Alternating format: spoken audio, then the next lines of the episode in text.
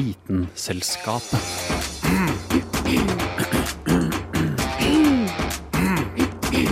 Vitenselskapet. Tips for å få blodet til å strømme når du sitter på lesesalen. Sopp som kan spise mobilen din, og The Return of the Monster Veps. Dette er bare noe av det som har skjedd i løpet av sommeren.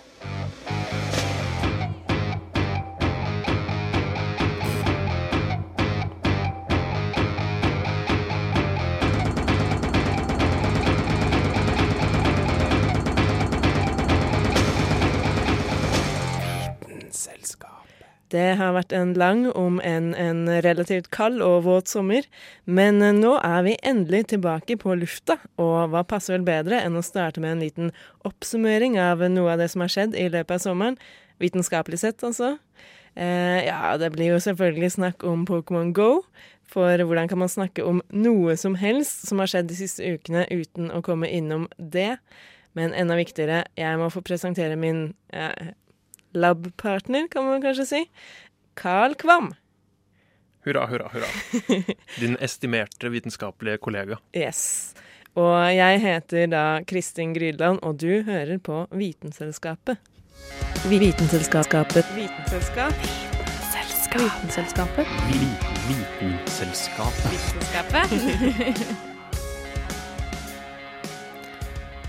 Jeg eh, føler jo at eh, det vi egentlig snakker om her nå, er en slags sånn agurknytt. At dette her blir en slags agurknytt-sending, bare når det kommer til vitenskapelige nyheter. Fordi vi er jo Vitenselskapet, tross alt. Og da eh, passer det jo veldig bra å begynne med en Det er en frukt, da. Nei, eller er det et bær? Jeg er ikke helt sikker nå. Jeg ble litt usikker nå. Jeg tror et banan er et eh, bær. Ja. Hvis det er Det er, det du sikter til. Eh, uansett så er det da snakk om bananer her, og den sjokkerende nyheten om at bananer kan være helt borte, utrydda, innen fem til ti år. Kan det bli borte så fort? Ja, altså det, det er faktisk ikke så mange bananer igjen, fordi at eh, de blir ramma av en sykdom, eller en sopp, da. En eh, sopp som eh, ødelegger bladene på bananplanta. Og da kan det gå raskt nedom og hjem for disse gule Jeg kaller det fruktene, siden det er det folk flest sier. Disse gule fruktene som vi alle elsker. Ja. Den gode, gamle bananen som står så støtt, kan være borte innen stutt i. Ja, det stemmer, fordi det er noe som heter sigatoka fungal disease, altså en soppsykdom, og den rammer eh, bananplantasjene. Og problemet til bananer eh, er jo at eh, vi mennesker er såpass lure at når vi dyrker bananer, så eh, dyrker vi det ikke liksom ved at vi planter frø i jorda og sånn som vanlige planter ofte er.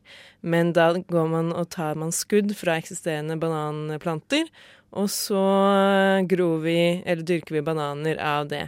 Så de bananene som vi har i butikken, veldig, en veldig vanlig type er en, en som kalles Cavendish banana. Men eh, akkurat det spiller ikke så stor rolle. Men poenget er at veldig mange av dem er kloner av seg selv. Og det vil si at de har helt eh, likt genetisk materiale. Så det er lite genetisk variasjon fra bananer, altså. Det er nøyaktig det det er. Det er veldig lite genetisk eh, variasjon. Og tidligere i historien så har man jo hatt eh, sånn potetpest og sånt som skapte veldig store problemer i Europa, blant annet eh, i Irland, og jo, altså, gjorde at veldig mange mennesker var i fare for å sulte i hjel, eller faktisk sulta i hjel. Og nå har man den samme situasjonen med bananer. De er like, og det vil si at de er veldig sårbare for en, eh, en sopp, da, eller en sykdom. Og det er jo veldig kjipt, men det som er et lyspunkt, et lite lyspunkt vil jeg si, er at nå har i hvert fall forskere klart å identifisere den sykdommen og liksom kartlegge den genetisk, da. Og det kan være første steg i å finne en kur mot denne soppen, som da truer eh, alle minions yndlingsmat. Redd bananen, vær så snill. Ja, Redd bananen. Eh, men eh, det kan jo hende at denne sangen som jeg skal spille litt snutt av nå, kommer til å være veldig relevant. Yes!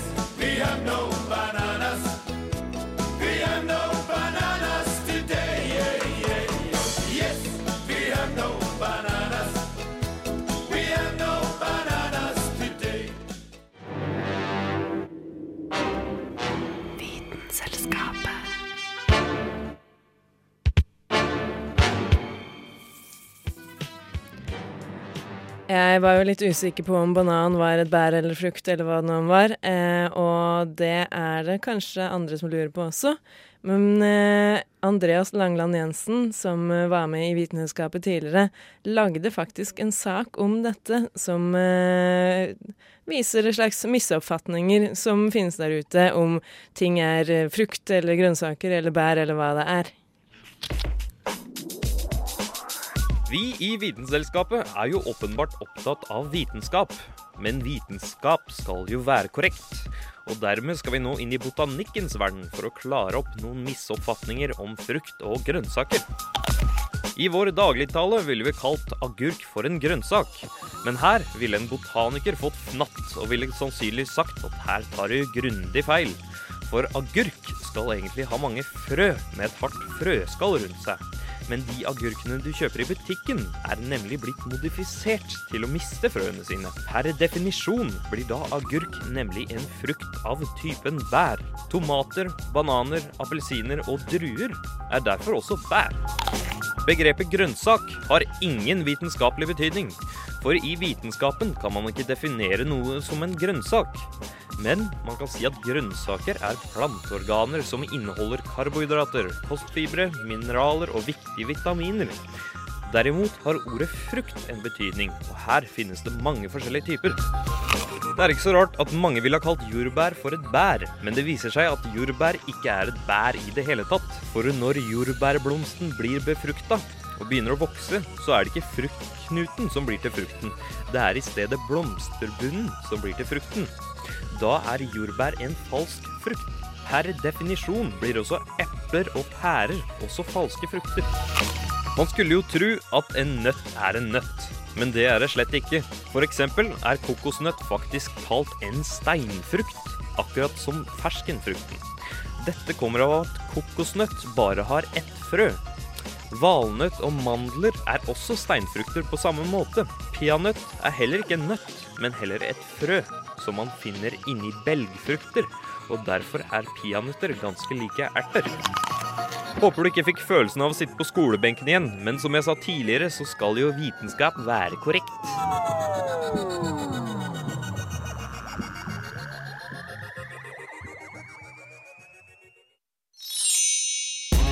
Vis, vis, vis, vis, visste du at? Visste du at? Visste du at kamskjell kan ha så mye som 100 stykk enkle øyne for å kunne se godt der nede på havbunnen? Den vanligste øyenfargen deres er blå, akkurat som havet selv.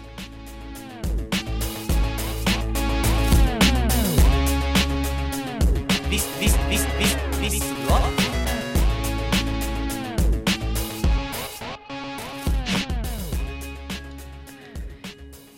Nå snakka jeg jo litt stygt om sopp, så jeg tenkte jeg bare skal si litt raskt eh, fortelle om en eh, sopp som faktisk hjelper oss.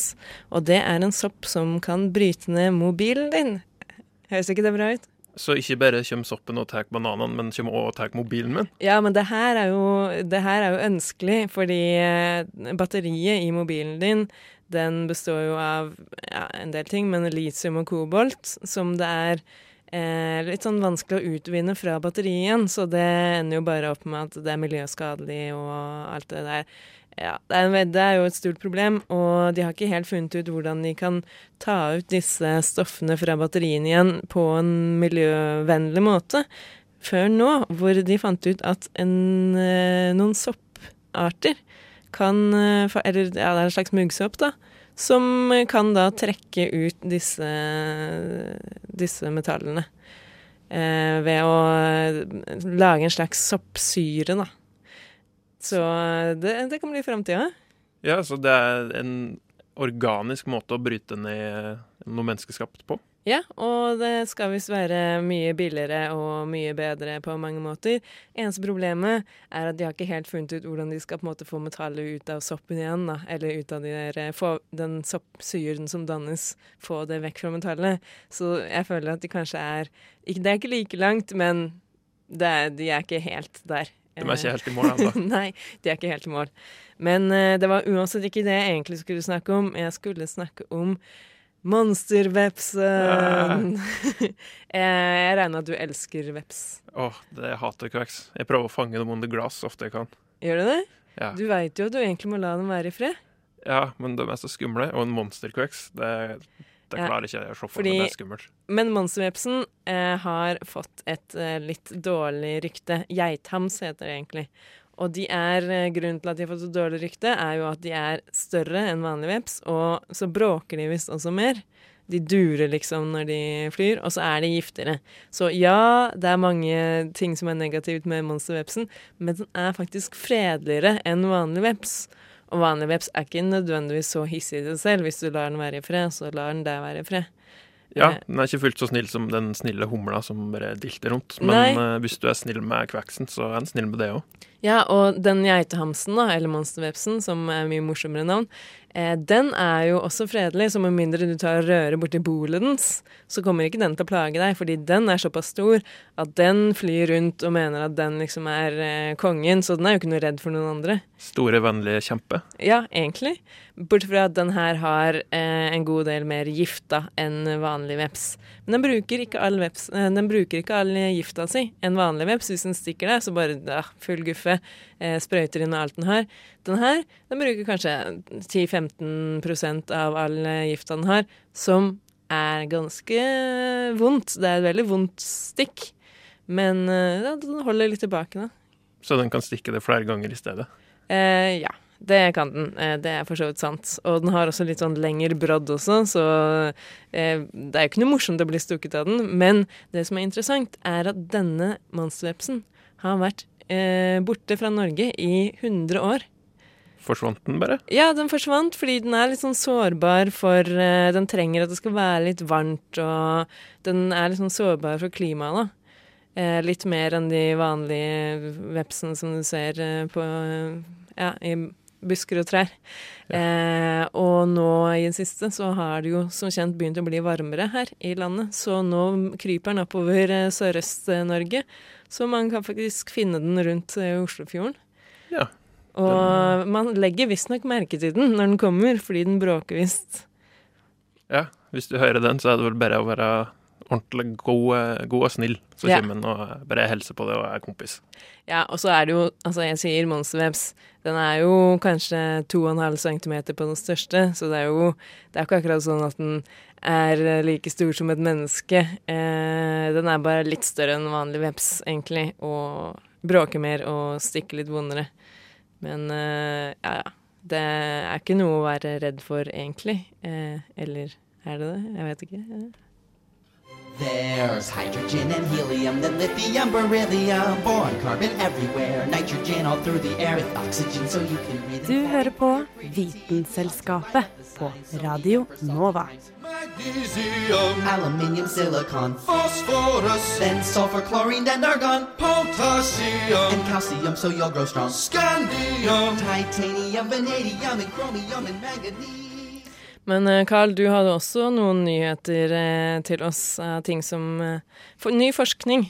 Ny forskning. Ja, det har jo skjedd ting på forskningsfronten i løpet av sommeren òg. For det første så går oss inn i hjerna her nå. Fordi hjerna er fryktelig kompleks, ikke sant. Det er ikke bare den tingen som sitter oppå hodet ditt. Her er mange forskjellige deler, og de driver jo stadig og ser hva de klarer å finne ut om denne hjerna vår. Eller hva den strengt tatt finner ut om seg sjøl. Tenk på det. Men eh, de har akkurat funnet hva del av hjernen vår som eh, håndterer fysikk. Fordi eh, du har vel kanskje regna sånn Hvor lander den ballen hvis du kaster den? Hva vinkler? Hva, så har du en haug med konstanter og sånn. Ja, jeg Men, er eh, dårlig på det, men ja, hjernen min gjør jo det på en måte av seg selv. Ja, så hjernen din har en egen del som i stedet for å drive med alle disse tallene, bare intuerer. Gjør litt sånn halvvekskonklusjoner og beregner cirka hvor den ballen skal havne hen. Eh, Det er en helt egen del av hjernen som ikke går for den mekaniske delen. Det er heller ikke den visuelle delen av hjernen. Det er en egen del av hjernen. En del av motorkorteks. Eh, som da beregner, f.eks. hvis du kaster en ball inn i en vegg, da, hva som skjer når den ballen treffer veggen. Du trenger ikke å sette den ned og regne for å skjønne at ja, den spretter mot høyre, den spretter oppover, og oh, den kommer tilbake i ansiktet mitt. Det kommer instinktivt. Det er, den delen av hjernen har de nå funnet. Og um, der fant de ved å vise en, video til forskjellige folk. Uh, og der var det et uh, gjengatårn. Du har vel kanskje spilt gjenga? Du Ja. drar ei brikke, så uh, tipper hele greia. Det tårnet var da på randen til å tippe, så folk så på den. Det var eh, farga, to farger under det tårnet. En grønn del og en rød del. Og så skulle du få hjernen din til å gjette Havna det flere brikker på grønn eller rød side. Mm. Og da så de hva del av hjernen som opp når du gjorde de beregningene. Eh, så da, på den måten så fant de ut eh, den delen til hjernen. Og ikke bare den delen til hjernen, men eh, forrige måned så fant de 100 forskjellige nye deler av hjernen. Så det skjer veldig mye på hjernefronten. Oi, jeg trodde liksom ah, nå har de forska så mye på hjernen, nå må det snart Nå må de snart vite alt. Det er jo, den er jo ikke så stor. Den er ikke så stor, men den er så utrolig kompleks. ja, tydeligvis. Visst, visst, visst, visst, visst, du at? Visste du at? Visste du at elefanter bare sover tre timer i døgnet? Det fordi de er så store og må bruke mesteparten av døgnet til å spise.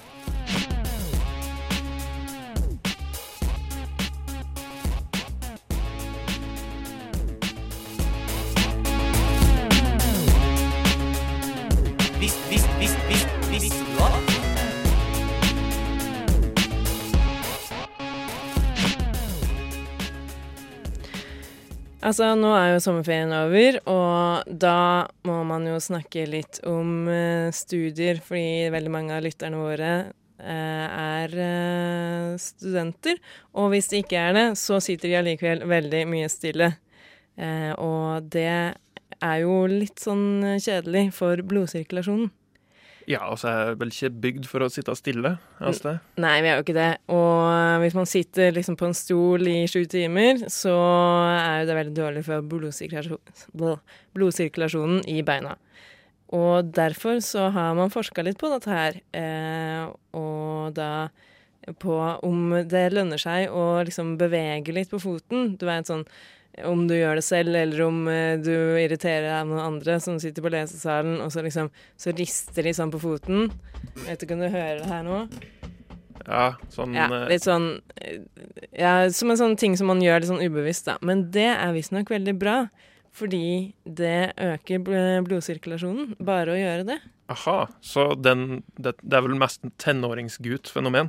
Restless leg syndrome. Ja, Det er faktisk bra for blodsirkulasjonen vår. det er bra. Det er jo ikke på en måte et ordentlig syndrom som er en ekte sykdom. Nei, det er vel et Eh, uh, kallenavn. Ja.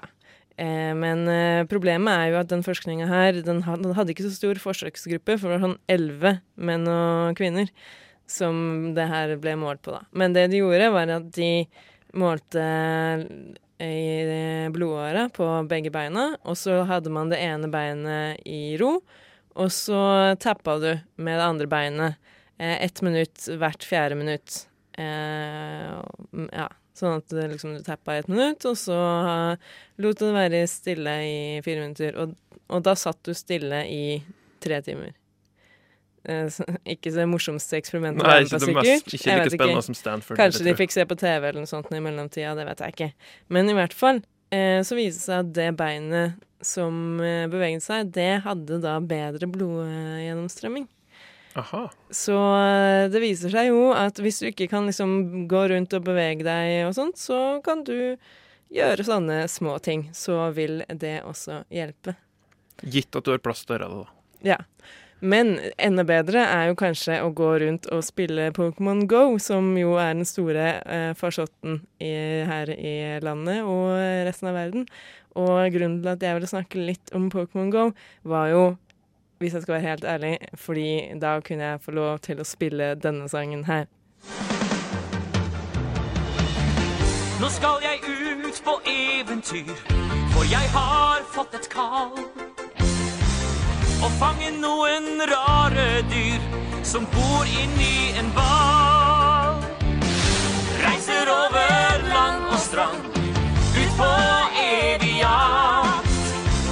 La Pokémon se det går an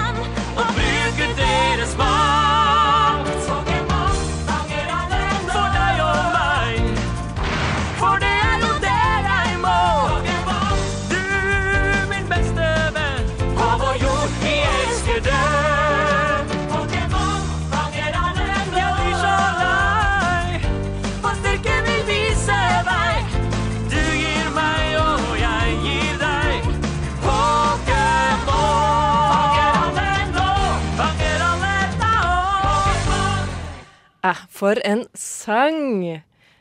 Jeg kjenner barndommen bare Jeg har så lyst til å ut og fange Pokémon, ennå. Ja, jeg vet ikke om, eh, om det begynner å bli litt ut å spille Pokémon nå, om folk er begynner å bli lei, men det har i hvert fall vært veldig, veldig trendy da, det siste. Men hvordan fungerer det? Hvordan får de det til? Det, er jo det har jeg egentlig lurt på. Og hvordan har de klart å plassere alle disse pokergymmene og pokestopsene rundt omkring? Det, er, det virker jo så Det er jo veldig forseggjort, da, på mange måter. Ja, det dukker jo opp eh, ting der jeg er. Jeg var ta meg på Dombås i sommer, oppe i distriktet. og Der, der var det Pokémoner å finne der òg, gitt. Og gudene skal vite at det er eh, merkelig, for, eh, men det er kanskje ikke så, fordi det fins faktisk Pokémon-stopp på Antarktis. På Antarktis, Ja, eh, ikke at jeg sammenligner Antarktis og Dombås, men det er ikke så langt unna. Eh, bortsett fra geografisk, selvfølgelig. Eh, og så da fant jeg jo ut, da, eh, litt grann om eh, dette her. Og det er jo fordi at Eller han som står bak Niantic, som står bak eh, Pokémon Go-spillet, han heter John Hankey. Og han eh, har jo tidligere jobba med Google Earth og litt med Google Maps. Så eh, selve teknologien er jo strengt tatt at de tar utgangspunkt i Google Maps. Eh, som jo har kart over hele verden, eh, og så er det på en måte basisen for spillet, da. Men eh, det, det som spillet også bygger på, er jo et tidligere spill som de slapp ut i 2011, som heter Ingress. Og så vidt jeg har forstått, så går det ut på at man er på tre ulike lag, og så skal man prøve å kapre portaler. Og for de som spiller Pokémon Go, så høres det kanskje litt kjent ut. Det høres eh, veldig kjent ut, det, altså. Ja. Eh, fordi eh, da er jo det nesten det samme som pokergyms, hvor du er på tre ulike lag og skal kapre et pokergym. Eh, og hvordan de har fått til å få disse Eller plassere disse pokergymene, eller portalene, er at de har tatt utgangspunkt i eh, steder som man har lagt inn på eh, Google Maps. For du vet det går an å legge til eh, ja, bilder av, og sånt av eh, små kjennemerker og sånt i, eh, på Google Maps. Ja, sånn små severdigheter i Ja, verden. små severdigheter eh, fra nærmiljøet ditt, eller hvis du bare går rundt. Eh, det er jo én ting. Og så har de også fått 15 millioner eh, på en måte forslag da, fra Niantic-spillere. Eh, eller fra Ingress-spillere. Så de som spilte Ingress, de eh, kunne foreslå hvor man skulle ha portaler og sånne ting. Og så har de i Niantic så har de sortert ut dette. Funnet noen millioner eh, steder som eh, kan egne seg. Og så har dette her da blitt basisen for Pokémon Go. Så de portalene som er absolutt mest populære, de blei til Pokégym, og de som var nest mest populære, de ble til Pokestops. Så de eh, hadde på en måte bare et annet spill for å varme opp for Pokémon. Altså, nå som vi har Pokémon Go, og det ble en så, så stor suksess, så kan det jo virke som Ingress egentlig bare var et slags oppvarmingsspill til dette store. Men eh, jeg tror nok de også så at nå hadde de plutselig en sånn stor database som de kunne bruke til å lage et sånn type spill. Eh, det som er litt mer avansert, er jo hvordan de legger ut Pokémonene. Og da bruker de eh, Fordi det er jo sånn eh, at noen Pokémoner er vannpokémoner osv. Og, så og hvis du er i nærheten av elver eller bekker eller sånne type ting, så er det større sjanse for å fange dem. Og det er jo fordi at det finnes sånne geografiske markers på kart som bestemmer om det er eh, en eh, elv eller eh, hva slags type geografisk område det er, da. Så tar man utgangspunkt i det, og så putter på med noen algoritmer og ting og sang. Og så popper det opp Pokémons rundt omkring de områdene. Og de har også eh, data som sier litt sånn geografisk om klima, vegetasjon, jordtype osv. Så, videre. så det er på en måte Det er ganske avanserte greier, selv om ideen på en måte er enkel. Ja, det kartverket syns sikkert dette er kjempespennende. Ja, eh, det vil jeg jo kanskje tro, eller det vet jeg ikke helt, fordi de bruker på en måte Google Maps og som, ja, jeg vet ikke om Google Maps er basert på Kartverkets uh, data, ja, men de må jo ha fått kart fra det noen steder. Ja, det er en uh, geografinerd sin drøm. Ja. OK. Men uh, skal vi se Vi går videre i sendinga og skal snakke om enda flere vitenskapelige nyheter etter dette. Oslo 2 igjen, Oslo 2. Dette er Vitenselskapet. Radio November, Oskar, Viktor, Alfa.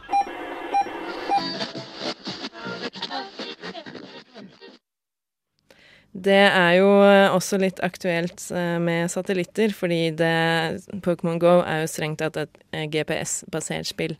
Og du har funnet ut mer om dette? Eh, ja. Eh, satellitter er det mange av i verdensrommet. Men eh, er du klar for en ny type satellitt, Kristin? Jeg er kjempeklar for en ny type satellitt. Ja, det er disse kineserne, da. De er, de er veldig på vitenskapsfronten.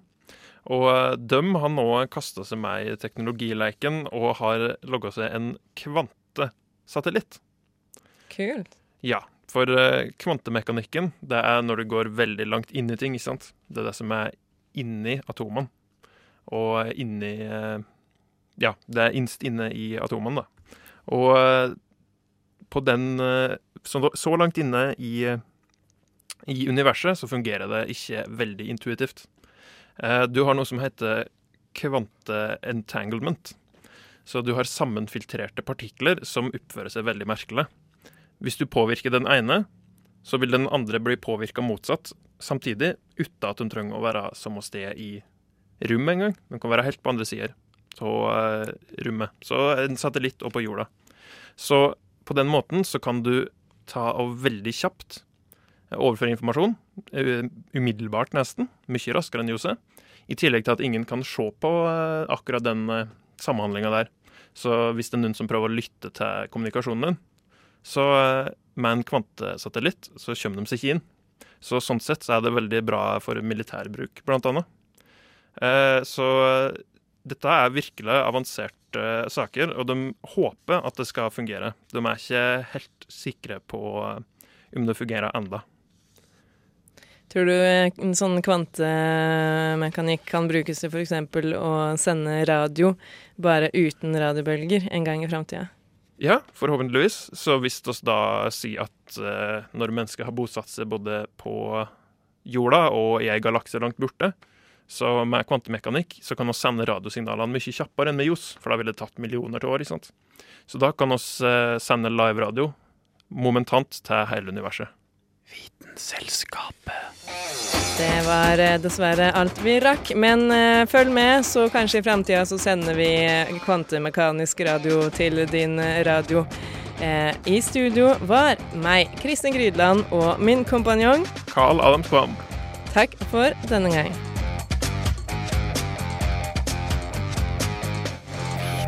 Selskapet.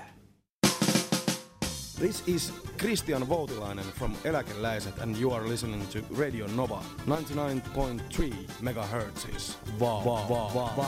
Saatana, saatana, ennen vammo pedit tankatiin, tuupista viiketkin tarkasti pois viilattiin.